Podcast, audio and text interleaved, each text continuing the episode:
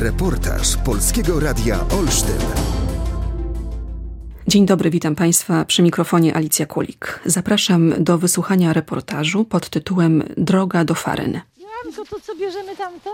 A może pani zdjąć na chwilkę maskę, żebym zobaczyła buzię? O, to teraz.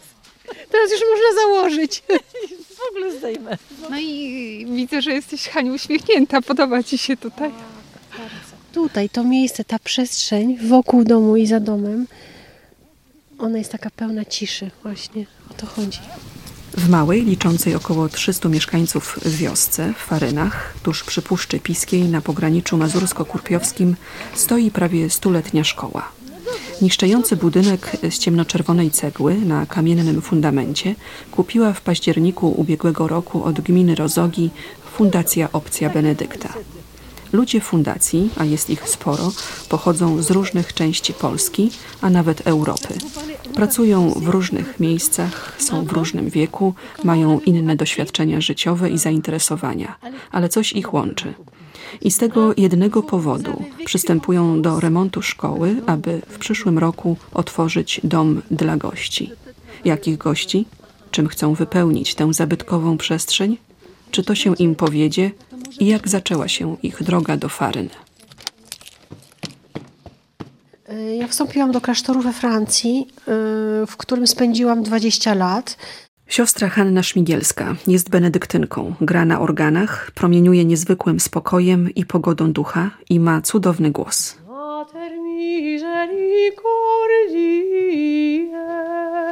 Nie ma akustyki żadnej. Trzeba będzie popowieszać gliniane garnce, takie duże i puste. Niedaleko Kurpie to będą gliniane garnki robione. Tyniec zawsze był takim moim drugim domem, gdzie zawsze wracałam. Zaraz po maturze pojechałam tam po raz pierwszy i wtedy ojciec Włodzimierz, założyciel opcji Benedykta, był przez krótki czas, to było tylko 18 miesięcy, prefektem gości. On mnie wtedy przyjął w Tyńcu. Ojciec miał tak szerokie spojrzenie, że e, nie ściągnął mnie na siłę z powrotem do Polski, tylko jakby uznał, że to jest jakiś, jakaś sensowna droga dla mnie w tamtym momencie. No i po 20 latach zostałam wysłana do Polski do opieki nad mamą. Jednocześnie mam w swojej diecezji o, obecnie kieleckiej różne mm, obowiązki posługi liturgicznej. Aktualnie jestem katechetą w Gietrzwałdzie. Przez ostatnie lata byłem również dziennikarzem Gazety Olsztyńskiej. Chociaż nadal pisuję, to głównym zajęciem jest nauka w szkole. Wojtek Kosiewicz, człowiek zajęty, mąż, ojciec trzech synów, mieszka w Gietrzwałdzie. Podobnie jak siostra Hanna i wszyscy ludzie z opcji Benedykta, trafił do fundacji za sprawą ojca Włodzimierza Zatorskiego. Dla nas był osobą bardzo autentyczną, taką prawdziwą, który czasami nawet jak coś powiedział, to to wybrzmiało po latach i wybrzmiewa cały czas. Dla wielu z nas był e, takim mentorem, których w dzisiejszym świecie brakuje. I każdy z nas ma też e, jego książki na półce i na pewno będzie, będziemy sięgali po nie i, i wracali do jego, do jego myśli. Chodzi o normalność, przede wszystkim normalność. On nas tego uczył. Normalność, autentyczność w życiu, szacunek do innego. Tyle. Podobnie mówi Lidia Ujazdowska. Jest żoną, matką trójki dzieci, pracuje w Muzeum Historii Polski, wydała książkę Zagłada Ochoty. W Farynach oprowadzała siostrę Hannę, dla której to był pierwszy przyjazd do Faryn. Tak, ja muszę wszystko zobaczyć. Musicie mi wszystko pokazać. Wszystko. Taka i taka sala konferencyjna. No tak, jasne. Na lewo siostro, wejdź proszę, tu refektarz. Aha. Tak, świetnie. Z pięknym widokiem. Pamiętam moment poznania e, ojca Włodzimierza i, i zachwytu dla jego prawości, wiarygodności w tym, co mówił, jaki był i mm, no, był początkiem chyba początkiem fa- fascynacji e, jego ideą, ale sama idea i moje zaangażowanie w nią nie wzięła się przez e, sympatię i przyjaźń do ojca Włodzimierza, tylko z takiej prostej, zwykłej ludzkiej potrzeby, która myślę, że jest udziałem bardzo wielu, może milionów ludzi na świecie, z każdym rokiem naszego życia e, doświadczamy czegoś nowego i idziemy drogą rozwoju. Jeśli nie idziemy, no to się zatrzymujemy i wtedy życie nie ma tego blasku, za którym przecież wszyscy tęsknimy i idea była dla mnie znakiem, światłem, sygnałem, że właśnie można iść drogą, którą sugeruje czy otwiera przede mną ojciec Włodzimierz Zatorski. I moje zaangażowanie było też wyrazem zwykłej mojej ludzkiej potrzeby właśnie pójścia tą drogą. Zbyt dużo w naszym praktykowaniu wiary jest y, takiego przywiązania do doktryny, do posłuszeństwa tej doktrynie, a za mało praktykowania spotkania z Bogiem i z drugim człowiekiem. I właśnie to zachwianie proporcji było dla Marii Rochowicz początkiem drogi do Faryn. Ten kryzys wiary, który obserwujemy we współczesnym e, społeczeństwie, we współczesnym świecie, jest w dużej mierze spowodowany kryzysem świadectwa, brakiem e, świadectwa. To świadectwo ojca Włodzimierza było czymś, co pociągało, bo było taką prawdą wiary i praktykowaniem tej wiary. I to, co daje duchowość benedyktyńska, to ona prowadzi człowieka w głąb, prowadzi człowieka do milczenia, do ciszy, do słuchania, i w tym milczeniu, i w tym słuchaniu człowiek zaczyna odkrywać samego siebie, swoje własne serce, swoje własne pragnienia, tęsknoty. Prowadzi człowieka do harmonii, do harmonii między pracą, modlitwą, odpoczynkiem. Współczesny człowiek jest często właśnie zapędza się w pracoholizm, w nadmiar tej pracy takiej, y, która pozbawia go takiej równowagi y, wewnętrznej, bo prowadzi do zmęczenia, do dużego stresu, ale też na przykład y, swoją wiarę przeżywa w taki sposób, który często graniczy z dewocją, z takim bardzo powierzchownym traktowaniem wiary. Więc tutaj duchowość benedyktyńska też otwiera człowieka na na modlitwę, na ten wymiar modlitwy w takim osobistym kontakcie z Bogiem, przez słowo, przez lekcję divina. Ja pochodzę z rodziny y, religijnej, tradycyjnie religijnej i w pewnym momencie, kiedy już dorosłam, nie mogłam odnaleźć się w tej tradycji. Brakowało mi tam głębi, sensów i, i moje ścieżki zaczęły się oddalać od kościoła, od tego mojego parafialnego kościoła. Nie, nie mogłam znaleźć sobie w nim miejsca. Chodziłam na pielgrzymki, na pielgrzymce brałam ślub, więc te moje poszukiwania były dość takie intensywne, ale one nie owocowały y, takim wewnętrznym y, spokojem. Tylko ciągle miałam poczucie, że nie rozumiem o co chodzi. To zagubienie, na końcu którego często pojawia się rozczarowanie, nie jest obce Michalinie i Andrzejowi, ludziom młodym, szczególnie wyczulonym, jak zresztą wielu młodych, na prawdę i fałsz. Zajmuję się marketingiem treści albo content marketingiem, jak to woli. W ostatnim czasie interesuje mnie bardzo to, jak my ludzie uciekamy od od tego, gdzie leży prawda i wyszukujemy różne inne półprawdy lub nieprawdy, z którymi łatwiej nam żyć. Mam tutaj na myśli fake newsy i różnego typu dezinformacje i jak łatwo tak naprawdę te rzeczy, które informacją nie są, zdemaskować. Nazywam się Michalina. Jestem żoną Andrzeja. Razem z mężem mieszkamy e, na południu Portugalii w tej chwili. Mieszkamy tam z naszymi pieskami, z Bajką i z Jogim. Pracuję w firmie e, dużej amerykańskiej korporacji, która się zajmuje badaniami i analizą rynku, zachowań konsumenckich oraz budowaniem baz danych. Tak naprawdę to ja i moja żona już kilka lat temu myśleliśmy sobie o tym, że świetnie by było gdyby powstało takie miejsce, które jednoczyłoby ludzi troszkę z, różnych bajek, ale, ale ludzi, których łączyłoby to, że, że gotowi byliby rozmawiać, gotowi byliby do dialogu i przede wszystkim e, szanowaliby siebie nawzajem. Ja osobiście nie mam żadnych wątpliwości, że, że my się stajemy krajem coraz mniej chrześcijańskim i nie mam też wątpliwości, że, że pójdziemy drogą krajów takich jak Irlandia na przykład, gdzie mm, bardzo powiedzmy w stosunkowo szybkim czasie ludzie jednak od praktyk religijnych zaczęli odchodzić i to jest taka naturalna konsekwencja tego, jak bardzo ludzie e, przeżywają e, zawód kościołem. Myślę, że faryny mogą być taką odpowiedzią na potrzeby dzisiejszego kościoła. Brakuje nam rzetelnego dialogu.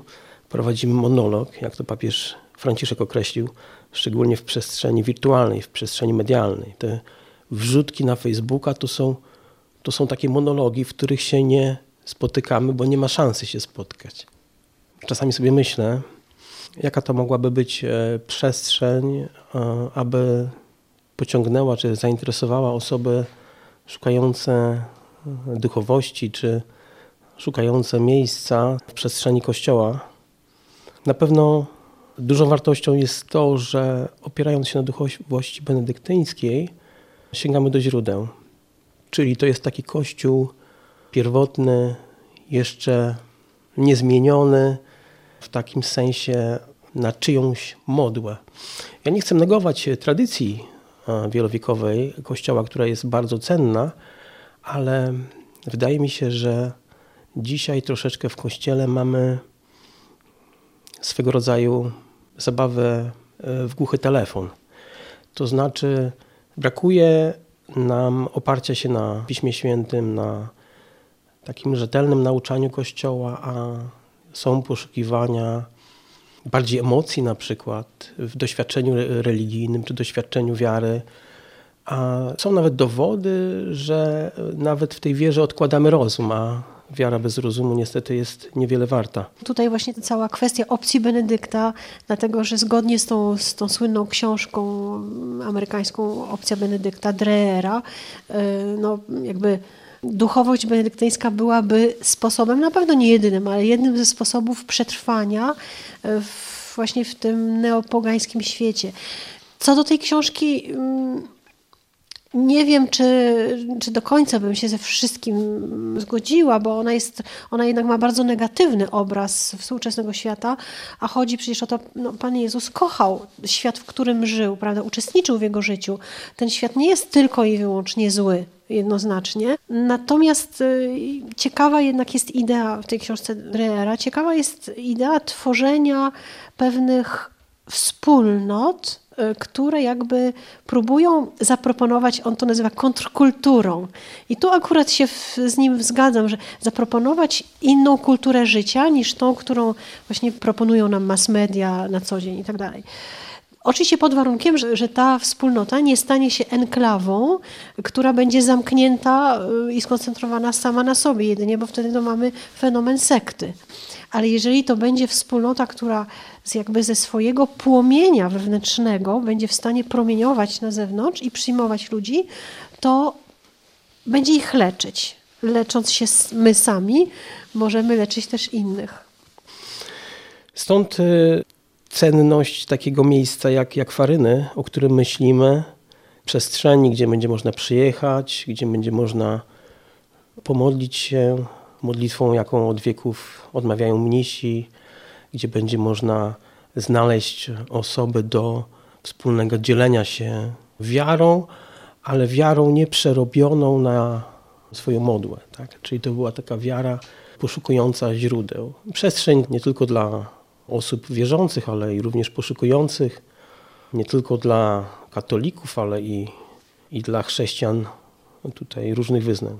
Sam mam kolegę, który deklaruje się jako buddysta i paradoksalnie w dyskursie jest mi czasami do niego bliżej niż do ludzi, którzy deklarują się jako wierzący, tak? bo ta przestrzeń w poszukiwaniu Boga może być dla nas y, wspólna, bez względu na, e, na wiarę nawet, tak?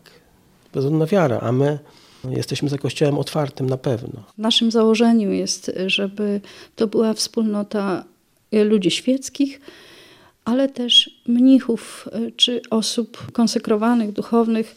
Nie wiemy, co przyniesie życie, ale jest to naszym założeniem, żeby to było coś, co połączy jakby te dwa światy świat ludzi świeckich i, i świat ludzi z klasztoru, na przykład mnichów, bo Ja osobiście uważam, że duchowość benedyktyńska jest taką duchowością, która jest doskonała również dla ludzi świeckich. I chcemy, aby tam było miejsce spotkania się tych dwóch światów. Może, może to jest coś, co w Polsce wydaje się jakąś nowością, ale na świecie jest bardzo dużo takich wspólnot, właśnie łączących życie osób konsekrowanych z osobami świeckimi, które próbują inspirować się wspólną duchowością. Myślę, że po prostu Duch Święty wieje w tym kierunku w Kościele w tej chwili. Po pierwsze, wszystkie wspólnoty, nawet czynne, na przykład zgromadzenia, mają wokół siebie dużą sieć osób świeckich, które wspomagają te zgromadzenia, a jednocześnie właśnie znajdują dla siebie jakiś pokarm duchowy. Jeśli chodzi o moją akurat macierzystą kongregację, to na przykład w Stanach Zjednoczonych i w ogóle w świecie anglosaskim mamy wiele takich wspólnot, w których wokół kilku mnichów gromadzi się całe benedyktyńskie miasteczko. Ludzie przyjeżdżają na przykład kamperami i żyją w pobliżu klasztoru przez rok, dwa, trzy, czy całą resztę życia i dzielą z mnichami większość e, elementów życia mniejszego, to znaczy lekcję divina, liturgię, momenty medytacji, oczywiście refektarz, czyli posiłki. E, natomiast zgodnie z charyzmatem każdego, mnisi zajmują się głównie prowadzeniem rekolekcji, czy towarzyszeniem duchowym, spowiadaniem itd., tak a osoby świeckie dbają o ekonomiczną stronę funkcjonowania wspólnoty. I to jest coś, co naprawdę coraz bardziej się rozwija. Zresztą w świecie benedyktyńskim wiemy już, jak spojrzymy na statystyki, że jest ogromna różnica pomiędzy liczbą mnichów dzisiaj, a liczbą oblatów. Oblaci benedyktyńscy są o wiele liczniejsi od mnichów i mniszek. Same te cyfry coś pokazują. Pokazują, że ta duchowość i to jest dla nas, mm, osób konsekrowanych, też jakaś droga pokory, że po prostu nie jesteśmy właścicielami tej duchowości. Ona jest naprawdę otwarta dla wszystkich i kto wie, czy nie przetrwa, nie tyle dzięki ludziom świeckim, ale wydaje mi się dzięki właśnie tej komunii pomiędzy osobami świeckimi i konsekrowanymi sensu stricte. W ogóle, co to jest konsekracja, też jest w tej chwili refleksja bardzo, bardzo ciekawa w Kościele na temat, kto jest osobą konsekrowaną, a kto nie jest i co to tak naprawdę znaczy. Istnienie takiego miejsca jest ważne samo w sobie Wydaje mi się, że ludzie potrzebują widzieć albo potrzebują miejsca, gdzie widzą i doświadczają wiary, gdzie widzą tą autentyczność. Myślę, że, że ludzie są zmęczeni słowem, samym słowem, które często nie niesie za sobą żadnej praktyki życia, a wręcz uznają całość za obłudę. Wydaje mi się, że przez to, że mogą zobaczyć doświadczyć, przeżyć w praktyce Słowo Boże, życie, że będzie im łatwiej wrócić do Słowa. Przede wszystkim musimy być autentyczni, a jednocześnie być otwartym na każdego, kto przychodzi, żeby coś w swoim życiu zmienić albo pogłębić, albo czegoś szuka, szuka odpowiedzi, jest w dyspozycji słuchania. Ja na przykład wśród swoich znajomych, którzy deklarują się jako niewierzący lub y, jako agnostycy mm, lub tacy, którzy są antyklerykalni, bardzo często widzę w ich e, w takich ich codziennych postawach bardzo dużo zachowań e, iście chrześcijańskich. I to są często zachowania, których nie widzę w innych znajomych, którzy się deklarują jako głęboko wierzący. I tutaj nie możemy w ogóle rozróżniać, kto to jest, skąd pochodzi, jakie miał życie, co przeżył. To musi być miejsce otwarte dla, dla wszystkich i to musi być też doświadczane. Chciałbym się powołać na ojca Włodzimierza Zatorskiego, który mówił o duchowości e, dojrzałej. To znaczy, duchowość benedyktyńska jest taką przestrzenią, w której często odnajdują się osoby właśnie e, dojrzałe, które coś przeszły w życiu, które próbowały e, wielu dróg, ale e, okazało się, że właśnie to, co jest oparte na fundamentach, co jest oparte na, na modlitwie, bez żadnych wydziwień, bez szukania jakichś fajerwerków. To jest właśnie to i to się odkrywa właśnie głównie w średnim wieku. Ale myślę, że to jest przestrzeń, która też mogłaby być otwarta dla 20-30-latków, które też poszukują Boga, a którego do tej pory no, można powiedzieć, nie znalazły lub miały obraz no, wypaczony, czy przez ludzi, ludzi wiary, którzy nie dawali dobrego przykładu. Tak bym chciała, żeby faryny były miejscem spotykania się ludzi, którzy są w drodze, w różnych miejscach tej drogi. Czasami bardzo odległych, czasami zakręconych, czasami trudnych. I to, czy ktoś jest buddystą, czy jest innej religii, czy jest jakby z innych kulturowych y, wymiarów, nie znaczy, że nie jest możliwa przestrzeń spotkania. Z każdym człowiekiem jest możliwa przestrzeń spotkania. Chciałabym, aby faryny właśnie były takim miejscem, gdzie, gdzie może przyjechać i wierzący, i niewierzący, gdzie mogą przyjechać ludzie z prostym życiorysem i z bardzo zakręconym i, i skomplikowanym, gdzie, gdzie będziemy się dzielić po prostu ze sobą życiem. No właśnie, y, faryny to jest też troszeczkę taka niewiadoma, bo są pomysły, aby było to miejsce na chociażby na weekendowe rekolekcje, czy na jakieś odczyty związane z, z religią, nawet może z kulturą, może z filozofią, bo jak wiemy też e, do wiary można dojść poszukując prawdy. Nie musimy dochodzić do wiary na płaszczyźnie prawda, religijnej. Także ona może być wielotorowa, ta płaszczyzna spotkań w farynach, otwarta na, na różne osoby, na różny czas, dlatego jesteśmy troszeczkę na uboczu, aby to było miejsce, gdzie możemy wzbudzić naszą refleksję, gdzie możemy otworzyć się na, na ciszę, na naturę, bo w ciszy mówi Bóg. Wyobrażam sobie, że ktoś, kto się wahał z przyjazdem, przyjechał i później wraca i mówi wśród swoich znajomych: to jest naprawdę coś wartościowego. Pojedźcie, zobaczcie, posłuchajcie. Myślę, że trzeba się nastawić na to, że to będzie potrzebowało trochę czasu. I powinno, bo to ma być prawdziwe, a to, co prawdziwe, to, co dobre, nieraz potrzebuje więcej czasu. Ale tak, chciałabym i myślę, że musimy być prawdziwi, autentyczni, otwarci a jednocześnie stanowczy. A więc wracam do ojca Włodzimierza Zatorskiego. Musimy być tacy i żyć tak, jak on uczył nas żyć. Napisała do mnie pewna znajoma, która była na Camino. To jest szlak pielgrzymkowy do Komposteli. I rano biegnie do kościoła, bo tam słyszała, że jest msza święta i się okazuje, że jest sama, ewentualnie jeszcze jakaś jedna osoba. A tych ludzi na tym szlaku pielgrzymkowym spotyka wielu. Więc się zdziwiła, rozmawia z tymi ludźmi z różnych krajów, tym ludzie. Okazuje się, mówi, że to są ludzie szukający Boga, szukający Chrystusa, ale nie szukają Go w Kościele. To jest fakt po prostu. Ja osobiście mogę też powiedzieć, że poza Kościołem znajduję wielu ludzi, którzy autentycznie szukają. I myślę, że to będzie raczej narastało, bo świat właściwie idzie w kierunku laickim. I, I, o ile my nie stworzymy właściwej alternatywy dla duchowości, duchowości opartej na e, świadomości tego, o co właściwie w życiu chodzi, jaki jest sens tego życia, o co toczy się de facto walka duchowa, to to się po prostu załamie. Życia uczymy się przez życie, przez praktykę. Życie duchowe jest na wskroś praktyczne. I w życiu wspólnym zostajemy też odarci ze swoich takich idealistycznych mniemań.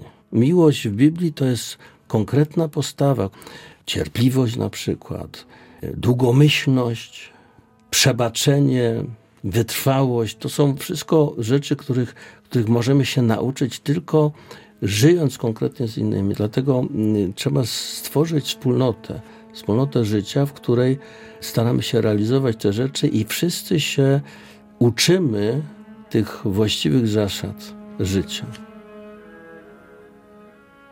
Wysłuchali Państwo reportażu pod tytułem Droga do Faryn. W reportażu udział wzięli siostra Hanna Śmigielska, Lidia Ujazdowska, Michalina i Andrzej Kędzierawscy, Maria Rochowicz, Wojciech Kosiewicz i ojciec Włodzimierz Zatorski, założyciel i asystent duchowy Fundacji Opcja Benedykta. Ojciec Włodzimierz Zatorski zmarł 28 grudnia 2020 roku. Reportaż Polskiego Radia Olsztyn.